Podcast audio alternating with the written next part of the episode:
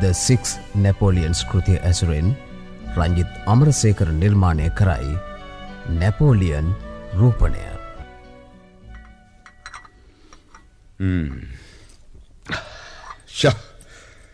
මිට. හෝම්ස්ගේ කෝපිය කනම් බොහොම අපුරුයි. උනුවෙන් මොනවහරි බොන්න ඕනෑම කරලා තිබුණු වෙලාව. ඒකට ස්තුති කරන්න ඕනේ මිසිස් හටසන්ට විශේෂ මාත්තුවකට හදන්න. ආ ඉන්ස්පෙක්ට ලෙස්ෆ්‍රෙඩ් ඉන්ස්පෙක්ට මේ හීතල දවසේ තකහනියම මෙහාට ගොඩ වුණේ වොට්සන්ගේ මගේ සැපදුක් බලල යන්නේ කියලා නං මට විශ්වාස කරන්න අමාරුයි. මොකටද බොරු කියන්නේ. පොඩි කේසයක් නම් තියෙනවා. ඒත් ඒක මහා විකාර වැඩක්හින්දා මට ගැන මිට. හෝම්ස්ට කියන්න හිත දුන්නේ නෑ. අනික් අතර මේක සුළු දෙයක් වගේ පෙනුනත් මහමුතු ගතියක් තියෙන. අමුතු ගතියක් නේද. මන්දන්නවනේ මිට. හෝම් සේ වගේ දේවල් ගැන ලොකු උනන්දුවක් දක්වන වග ඕ ඒ ඇත්ත. හිතේ කුතුහලයක් ඇති කරන විදිිය අපරාධ ගැන පරික්ෂා කරන්න තමයි මම කැමති. එත් මට හිතෙනවා මේක වඩා බර ඩොක්ට වොට්සන්ගේ පැත්තරද කියලා. මොකක්ද බෝනලි ඩක් සම්බන්ධ එකක්. පිස්සුවක්. මහා අමුතුම විදිහක පිස්සුවක්. ඒ කියන් මේ මිනිහා තාමත් නැපෝලියන්ට කොයි තරම් වෛර කරනවද කියනවනම්. නැපෝලියන්ගේ ප්‍රතිමාවක් කොහේදි හරි දැක්කොත්. එක උස්සල පොලේ ගහලා කොඩු කරලදාන. එහෙම නං ඒක මට අයිති රාජකාරයක් නෙමේ. හරි හරි. එත් මේ මිනිහා පිළිම බිඳින්න ගෙවලුත් බිඳින්න පටන්ගත්තාම එක දොස්තර කෙනෙක්ගෙන නෙවෙයි පොලිසිය රාජකාරයක් වෙනවා. ගෙවල් බිඳින්ද ඒක යස කියන්ට බලන්නු විස්තර ඇතුල් මුල්ම සිද්ධිය ඇතිවුණේ දවස් හතරකට කලින් මෝස් හටසන්ගේ සාප්පුයි. ඒක කෙන්සින්ටන් පාර තියෙන පින්තූර පිළිම හෙම විකුණන සාප්පුවක්. ඕ මම දන්න. වෙළඳ සේවකයා පොඩ්ඩකට පිටිපස්සු පැත්තරගිය වෙලාවේ. ඉස්සරහා මොකක් හරි බිම වැටිලා බිඳෙන සද්‍ය ඇහිලා. තුවගෙන ඇවිත් බලනකොට. ඉස්සරහා ප්‍රදර්ශනයට තියලා තිබුණු නැපෝලියන්ගේ බස්ට එකක් බිම වැටිලා කොඩු පට්ටන් වෙලා. ඔහෝ ඉති මිනි අයේ මොහොතෙම එලියට බැහල බැලුවලු. ඒ අවට හිටපු අය දැකලා තියෙනවා මිනිහෙක් සාප්පුවෙන් එලියට බැහලා හයියෙන් හයියෙන් යනවා. ඒත් කවුරුවත් ඒ ගැන වැඩි සැලකිල්ල කරගෙන නැහැ. ඒ හින්ද අඳුරගන්න බැරි වුණ. කීයට විතර දෝක සිද්ධ වුණ. දවල් දොළහට විතර. ඔව ඒ වෙලාවට සාප්පුුවට වැඩිපුර සෙනග ගැවසෙන්නේ නැහැනේ. ඉතිං මේක පිස්සෙක්ග වැඩක් කියලා හිතින් අත්තරල දාලා ඇතිබුණේ. මැටි රූපෙත් සිරින් කීපයකට වඩා වටින්නේ නෑනේ. හැබැයි දෙවැනි වතාව සිද්ධිය මීට වඩා බරපතලයි. එක වුණේ ඊයේ රෑ. ඊර ඔව්. කෙන්සින්ටන් පාරේ මෝ සත්සන්ගේ සාප්පොට යාල සීයකට විතර දුරින් ඉන්නේ බානිකොට් කියන ප්‍රසිද්ධ ඩොක්ට. ආ බානිකොට් මන්දන්න යට හුඟා කලෙඩ්ඩු ඉන්නවා. ඔව්. දෙපොලක වෙදකම කරනවා නේද. පදිංචියයි ප්‍රධාන ඩිස්පැන්සිරයයි කෙන්සින්ටන් පාරේ. තවත් ශාකාවක් තියෙනවා බ්‍රික්ස්ටන් පාරේ. තැන් කොහොමත ඔය ඩොක්ට මේ කතාවට සම්බන්ධ වෙන්නේ. ඩොක්ට බානිකොටන් නැපෝලියෙන්ම අදහන කෙනෙක්. ගෙදර පොත්වලිනුයි පින්තූරවලනුයි පිරිලා.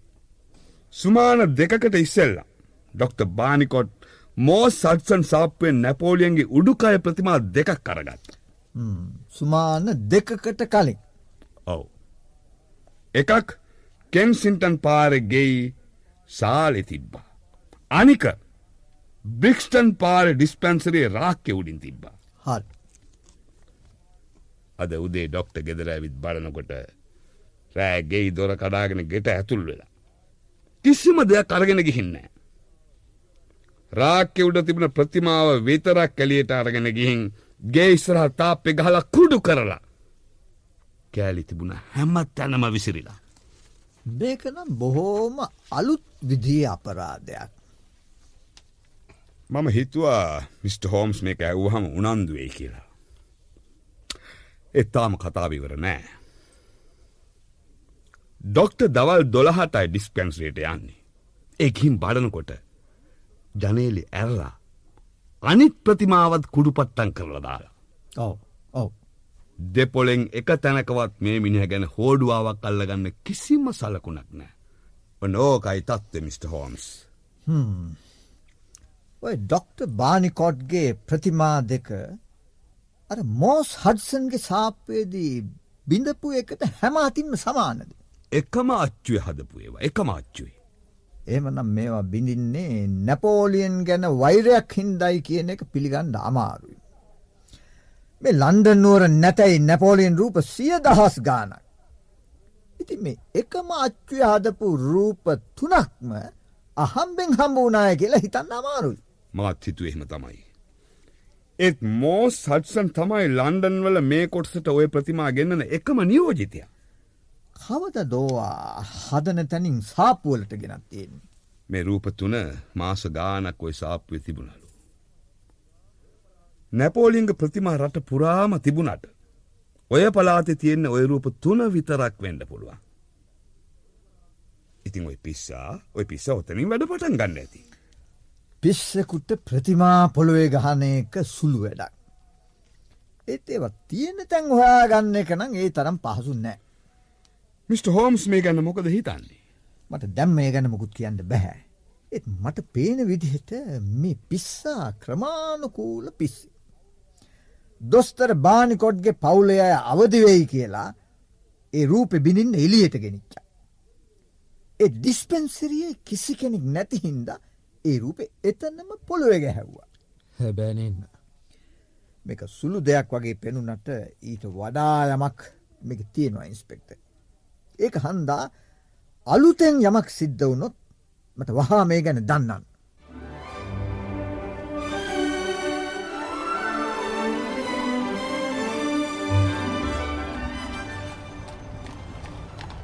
ඉන්ස්පෙක්ට ලෙස්ට්‍රේඩ්ඩයපු ටෙලිග්‍රම් එක මුකුත් විස්තර කියලා තිබුණ නැද්ද හොම්ස් නැහැ. වහාම එන්න කියලා විතරයි තිබුණේ.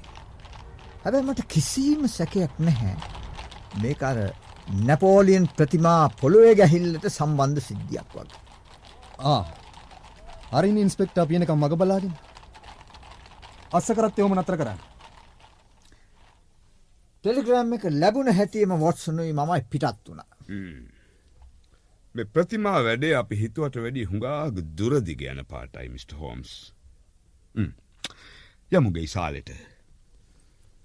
කවුදේ එයාට මෙහාට ඇවිදින කොන්්ඩ අවුල් වෙච්ච පුද්ගලය. දැකල පුරුදු මුණක් වගේ. ඔව් සෑහෙන්න ප්‍රසිද්ධ පත්‍ර කලාවේදීක්. මේ වැඩේ දැන් දරුණු අතට හැරලා මිට. හෝම්ස් දරුණු අතට ඔව් දැන් මිනීමැරුමකුත් සිද්ධ වෙලා. මේ මිට. හොරේස් හාක මිට. හෝම්ස් මේ ඩොක්ට වෝටසන් හලෝ හල මේක මහා පුදුම දෙයක් මිට. හෝම්ස්. මම මගේ මුළු ජීවිත කාලෙම අනුන්ගේ ප්‍රවෘත්ති එකතු කළා. ඕ එහෙව් මම ජීවිතය යම් අත්දැකීමකට මුණ දුන්නම වචන දෙකක් ගලපගන්න බැරිතරමට මගේ ඔළු අවුල්ලෙලා. ඒක ඕන කෙනෙකුට එහෙම තමයි. මං මෙතෙන්ට වාර්තාකාරයෙක් විදිටාවනම් මෙලාට මේ ප්‍රවෘතිය හවස පත්තරයට ඇරලා ඉවරයි. දැම් මම වැදගත් ප්‍රවෘති අනුන්ට දෙනවා. ඒත් ඒක මට ප්‍රයෝජනයක් ගන්න බැහැ. දැන් වෙච්චද කියන්නක මිට. හෝම්ස්ට මං අහලා තියෙනවා මිට. හෝම්ස් ගැන. මිට. හෝම්ස්ට නම් පුළුවන් මේ අභිරහස විසඳන්න. මම මීට මාස හතරකට කලින් නැපෝලියන්ගේ උඩුකයි රූපයක් අරගත්ත සල්ලිවලට. කොහෙන්දේ. හාඩිම් ප්‍රද සාප්පෙන් මම මගේ ලියන කියන වැඩ කරන්නේ රෑට. හුඟක් වෙලාවට පාන්දර වෙනකම්ම ලියනවා. අදත් එහෙම කලාද. ඔවු.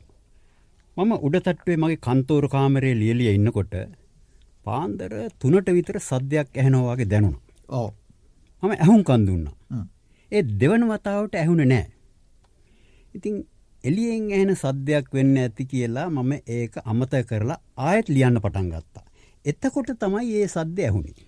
මොන සද්දද මිස්ටහාක කවුද මර ලතෝනි තියෙනව ඇහුණා. ඇගේ හිරි ගඩු පිපෙන හඬක්. මගේ මරණ මොහොත දක්වාම ඒක මගේ හිතේ හොල්මං කරයි. ඒකමන මොකද කළේ.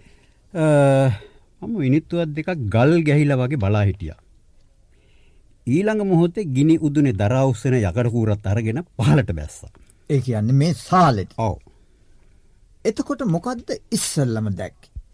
මට එක පාරටම පෙනුණා ජනේලෙ ඇරල දාලා වග. ඒ එක්කම ප්‍රතිමාව රාකයුඩ නැති වග පෙන්ුණා. ඒ හතරවෙනියෙක්. මේ කිසි වටිනාකමක් නැති හුණු බදාමවලින් හදපු රූපයක්. ඒක මොනවට උත්සගෙන ගියාද කියලා මට නං හිතාගන්න බෑ. ඒක හරි. ජනේලෙන් පිටට පනින කෙනෙකුට අඩි දෙකතුනක් ඇවිදගෙන ගියාම ගෙයි දොරකඩ පඩිපෙල්ලඟට යන්න පුළුවන්. ඒකම තමයි හොරාත් කරලා තිබුණේ. මිට හාක ඊළඟට මොකොද කළේ. මම ගිහින් ඉස්සරහ දොර ඇරිය. කළුවරේ අඩියතියපු මාව තා පොඩ්ඩෙන් එතන මැරල හිටිය මිනිහගේ ඇඟ උඩ වැටෙනවා. මම දුවල ගිහින් ලාම්පුවක් කරගෙනාව. අසරණයගේ බෙල්ලෙ ලොකු කැපුන්තුවාලයක්. අවට පුරාම් ලේ ගංගාව. මිනිියත් දනිස් අකුලගෙන කට ඇරගෙන උඩු පැල්ලෙෙන් වැටිල හිටිය. මට ඒ මූුණ හීනෙනුත් පෙනේ. ඊළඟට මම මගේ ළඟ තිබුණ පොලිස් නලාව පිම්බ. ඒකම මට සී නැතිවෙන්න ඇති. ඊළඟට මට මතකයි සාලේ පොලිස් බටෙක්කින්නවා. කෞද ඉන්ස්පෙක්ටෙන් මැරුම් කැමිනිහ. මිනිිය මෝචරී තියෙනවා. එත්තාම කිසිම හෝඩුවාවක් නෑ. උස මිනිහෙක්. ඔව්වට හම දුමුරු පාට වෙලා. හොඳ හැඩි දැඩි ඇඟපත. එහෙමනම් මිට. හාක කියන විද්දිය අසරණයෙක් නෙවේ. වෙන මොනොද විස්තර. වයස තිහකට වැඩිය නෑ. හරක්කම් මිටක් ගහපු පිහියක් ඒළඟ වැටිලා තිබුණ. හරක්කම් මිටක් ඔව්. මිනී මැරුම කළේ ඒකෙන්ද. නැතිනං ඒක මැරුම් කෑ අයළඟ තිබුණ එකක්ද කියනක හරියටම දන්නේ නෑ. ඇඳුම්වල නමක්වත් නමක අකුරක්වත් ගහලා තිබුණේ නෑ. වෙන මොනවද ළඟ තිබුණේ. සාක්වල තිබුණ ඇපල් ගෙඩියකුයි ලන්ඩන්නුවර සිතියමුකුයි. මෙන මේ ෆොටෝ එකත් තිබුණා. කොබලන් පුංචි කැමරාවකින් ගත්ත එකක්. බොහෝම තිවුණු මූුණුවරක් තියෙන්. බොහොම පලල ඇහි බැම. හරිට වඳුරෙකුගේ වගේ. එතකොට ප්‍රතිමාවට මොකොද වුණේ. මිට. හෝම්ස් එන්න මොහොතකට කලින් ඒක නාරංචයක් ලැබුණා. එක හම්බ වෙලා තියෙනවා මීට ඩිංගක් දුරින් පාලු ගෙදරක දොරකොට තිබිලා. ඒකත් එකත් පුංචි කෑලිවලට කැඩිලා. යමුද බලන්න. ඔව් ඒත් ඊට කලින් මේ ජනේලි පොඩ්ඩක් පරික්ෂා කරල බලමු. මේ මිනිහා බොහෝම දිග අතපය ඇති. එම නැත්තං බොහොම කඩිසර කෙනෙක් වෙන්න ඕන. නැත්තම් මෙච්චර උඩින් තියෙන මේ ජනේලෙ අරින එක ලේසි වැඩක් නෙවේ. එමනම් යමු ප්‍රතිමාව තිබුණු තැනට. මිස් හාක මොනහරි ලියන්න ඕන මේ ගැන අපේ පත්තරයට. අනෙක් පත්තරවල පළවෙනි මුද්‍රණය සේරම විස්තර පලවෙලාත් ඇති. ඒත් ඉති මොනා කරන්න. ප්‍රතිමාව කෑලි තනකොළ ගොල්ල පුරාම වීසි වෙලා නේද. පොඩි පොඩි කෑලිවලට කැඩිලා. මොකද මිස්ටෝම්ස් මට පේන්නේ අපිට තව බොහෝම දුර යන්ඩ තියෙනවා. ඒත් අපිට හෝඩුවාවල් කීපයක් ලැබිල තියෙන. මේ වැඩකට නැති රූපේ අයිති කරගන්ඩ. අපරාධකාරයා මිනිියක් මරන්ඩ පසුපට වනේ නැහැ. ඒක එක.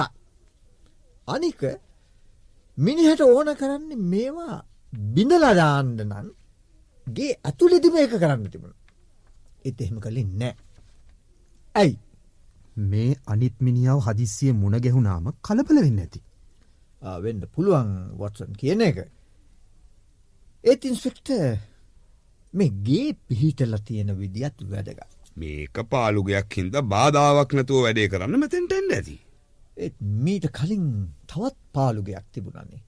ඒක පහු කරගෙනයි මෙතන්ට ඇවිත්තියෙන්නේ. මේක අතේතියාගෙන ඉන්න ඉන්න අවධානම වැඩි.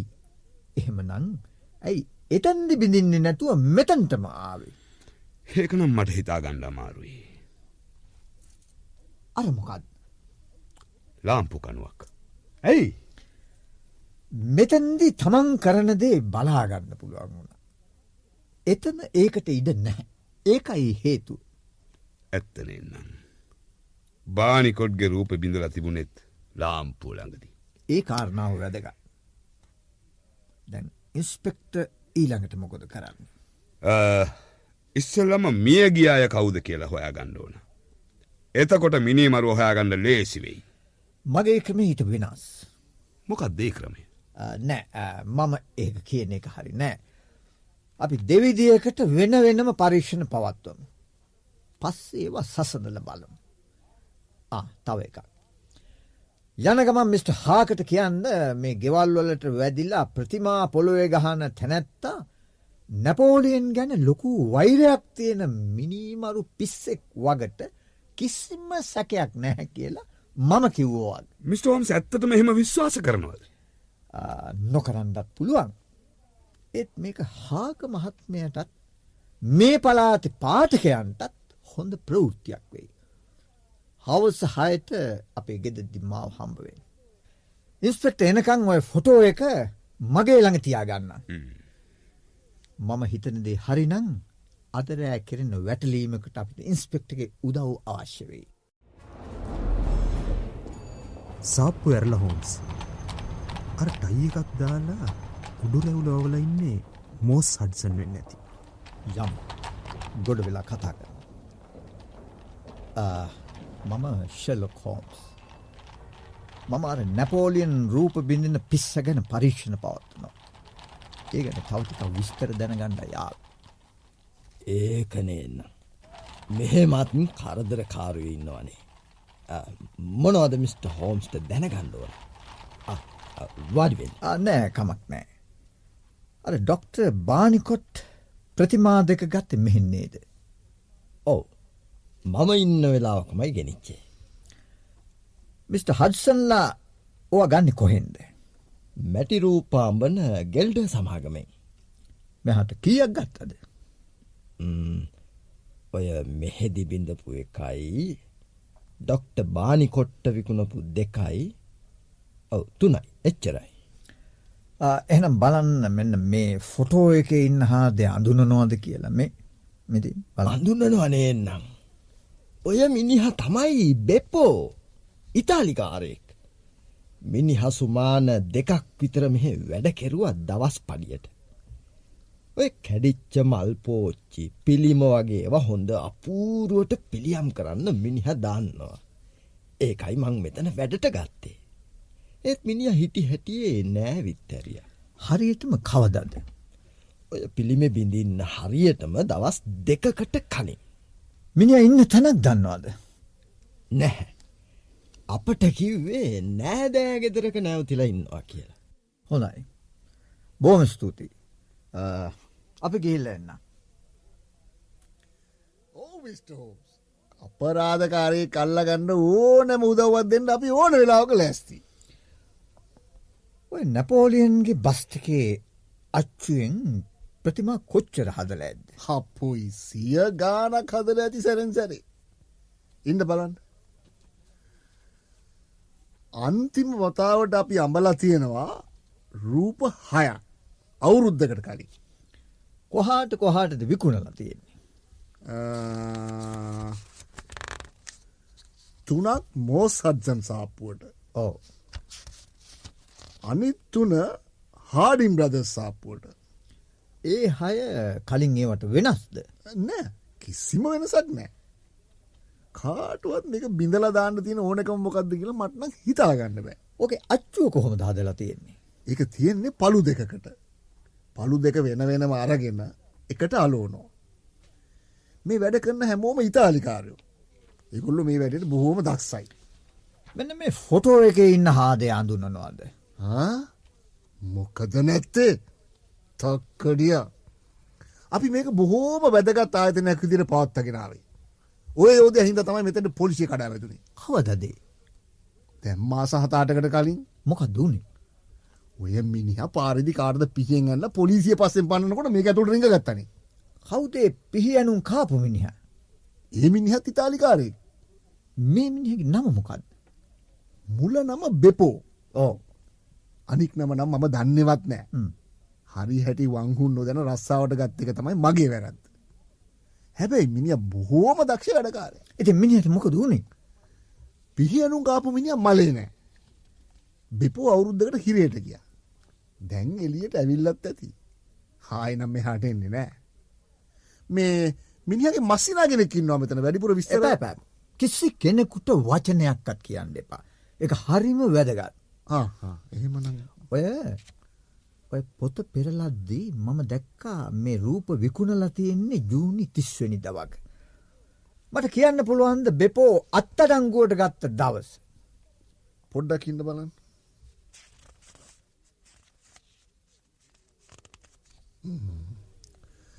බෙපෝ අන්තිමට පඩි අරගෙන තියෙන්නේ මැයි විසිවෙනිද හොඳයි. බෝහොම ස්තුති. අපි ගින්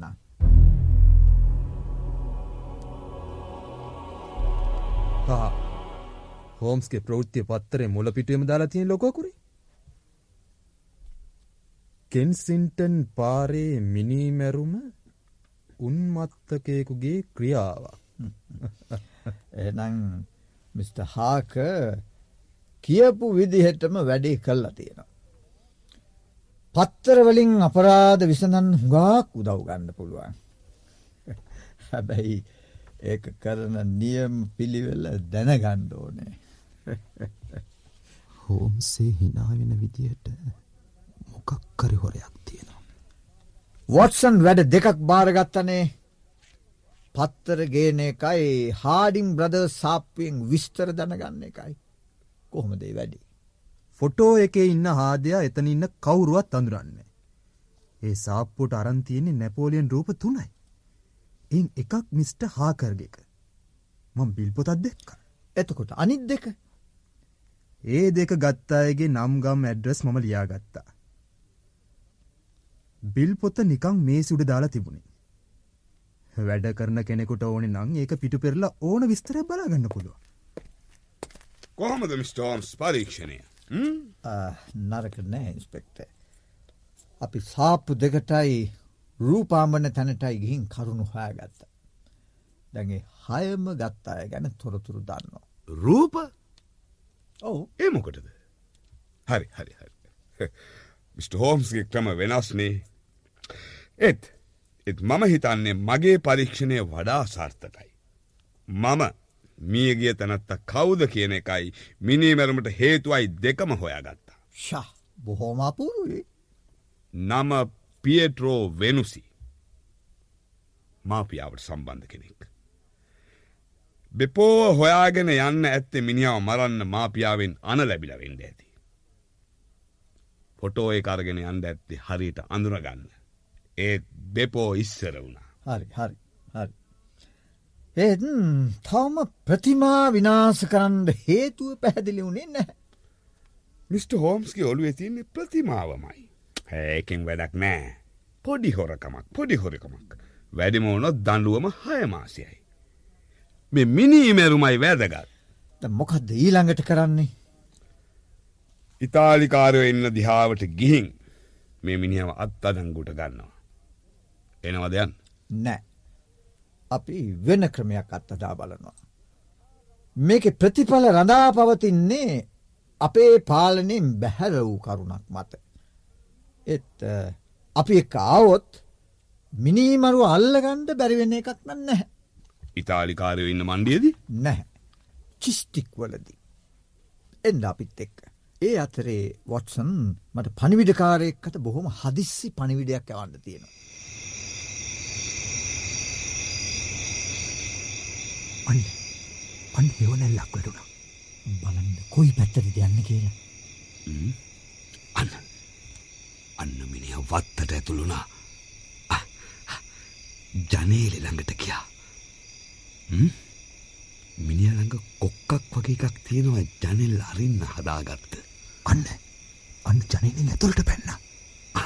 අන්න අන්න අන්න පිළිමෙත් තරම් පැන්න එලියට පොලේ ගන්න යදන්නේ. හරි පොලි ගන්න යදන්නේ. අල්ල ගත්තකම දාන්න මාංචු අත් දෙකට.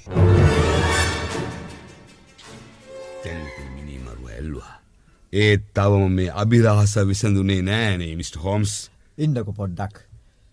රීඩිං වල මිසි සැන්ඩිෆෝඩ් මෙහාට එනකම්. ඒ ආවම ඔක්කොම රහස් එලිවෙන්ඩ හුඟාක් දුරට ඉඩ තියෙනවා. ආ. කවුද ලේඩි කෙනෙක් කෙනවා කියනකොට? එන්ඩ මිසි සැන්ඩිෆෝඩ් මට පණිවිඩේ හම්බුවනේ ඊයේ හවස මං උදේම්ම රූපෙත් තරම් පිටත් වුණා. මෙන්න ඒක. ඔහොම තියන්ඩෝක මේ සෙව්ඩි ඉන්ස්පෙක්ට කියලා තිබුණ මේකට පවුම් දහයක් දෙනවා කියලා. ඔව සියුම කියවලා මම පුදුම වුණා. මගේ ළඟේ ප්‍රතිමාව තියෙනවක කොහොම දැනගත්තද කියලා. ඒක සුළු දෙයක්. හාඩිං බ්‍රද සාප්පයෙන් මට කිව්වා අන්තිම නැපෝලියන් රූප වික්කේ මිසි සැන්ඩිෆෝඩ්ට වගේ මං ඒකට ගෙව්ව මුතලත් කිව්වද? නැහැ. මම දුප්පත් වනාට අවංක ගෑනු කෙනෙක්. මම මේකට දුන්නේ සිලිම් පහළොවයි. මේකට පවුන් දහයක් ගන්න කලින් ඒක කියන එක මගේ යුතුකමක්නේ. මිසි සැන්ඩිෆෝඩ්ගේ අවංකකම ගැන මං සතුටු වෙනවා. ඒත් ඒ පොරොන්දුවුණු මුදල ගෙවන්නම සූදානන්න. මෙන්න ප්‍රතිමාව. මෙන්න පවුම් දහ. හැබැයි මේක විකුණුවට පස්සේ මේ ගැන මුකූත් අයිතිවාසිකමක් නැහැ. හරිද හරි මොකක්ද ඉතින් මේ මැටිරූපෙට කියන අයිතිවාසිකම. එහනම් මෙන්න මේ කුයි තාම්සි අස්සං කල්ල දෙන්නකොමට. එහෙමනං මම ගිහින් එන්න. හොඳයි බෝම ස්තුතියි. ඇයුම්සේ ගත්තයට කුඩු කළේ ඒක තමයි හරියට බලන්නවත් ලැබුන්න වොටසන් දන්නද මේ පුඩිමක ඇලිච්ච මුද්‍රප්පලං ගෙඩියක් වගේ මුල්ලක ඇලවිලා තියෙන වටකුරු කළුපාට එක මොකද්ද කියලා. මේක තමයි සුප්‍රසිද්ධ බෝගියාස් කල්ලු මුතු ඇටේ. මොනවා මේක තමයි දැනට ලෝකි තියෙන වඩාත්ම ප්‍රසිද්ධ මුතු ඇටේ. දැක්‍රේ හෝටලේ කොළොන්නාවල කුමාරගේ නිදන කාමරය තිබිලායි නැති වුණේ. හරි හරි හරි දැම්මට මතකයි දැම්මට මතකයි. හරි හෝඩුවාවක් නොලැබුණු හින්ද අපි පරීක්ෂණ අත්තරල දැම්ම. ඒත් හෝම්ස්ට කොහොමදයි මුතු ඇට මේ රූපයක් ඇතුළ තියෙන වගේ වැටුන්. බෙපෝ රූපාම්බන මිනිෙක් වග දැනගත් හැටිය මට තේරුණා මිනිහා මේවා බිලින්නේ ඇතුලේ හංගපු මොකක් හරි හොයාගන්න කියලා. ඔය මුතු ඇටේ නැතිවෙච්ච දාට පහුවදා තමයි බෙපෝ තව මිනිහෙකුට පිහියෙන් ඇන්නේ. ඒ ඔය හොරකම කරන්න උදවුන හවුල්කාරය. පොලිසියෙන් පන්නනකොට මිනිහා රූපාම්බන ආයතනයට පැනගත්. මිනි වැඩකාරය හින්දා පොලිසිය එතන්ට එන්ඩ කලින් වේලෙන්ඩ තියල තිබුණු රූපයක් අස්සට මුතු ඇට රිංගෙව්වා. මේක කළේ තුන් දෙනෙක් එකතු වෙලා. අනික් මිනිහ තමයි බෙපෝ අති මැරුන්කෑ. එනම් එනම් ඇයි ඒ මිනිිය බෙපෝගේ පොටෝ එකක් කරගෙන ගියේ. ඒ වෙනයට ෆොටෝ එක පෙන්නලා මෙහෙම කෙනෙ දැක්කද කියලා හොයල බලන්න. හරි මිනිිය මෝස් හඩ්සන් සාප්පේ වැඩට බැඳුනේ මැටි රූපතිය තැන හොයාගන්න අන්නහත්. තවත් එකක් තියෙන වොටස. ඒමක දෝම්ස් මේ මුතුවැටිය සොයාදුම් කෙනෙකුට ලැබෙන තෑග්ග පවුන්දාහත්. එකක් විතරක් පැහැදිලි මදි. අන්තිම ප්‍රතිමා දෙකෙන් හොරා මුලින් බිඳින් යන්නේ මිසි සැන්ඩිපෝඩ්ගේක නෙමෙයි අනිත් එක කියල කොහොමද දැනගත්තේ. ඕනෑම කෙනෙක් ඉස්සල්ලම යන්නේ ළඟ තියෙන තැනට ඉන්ස්පෙක්ට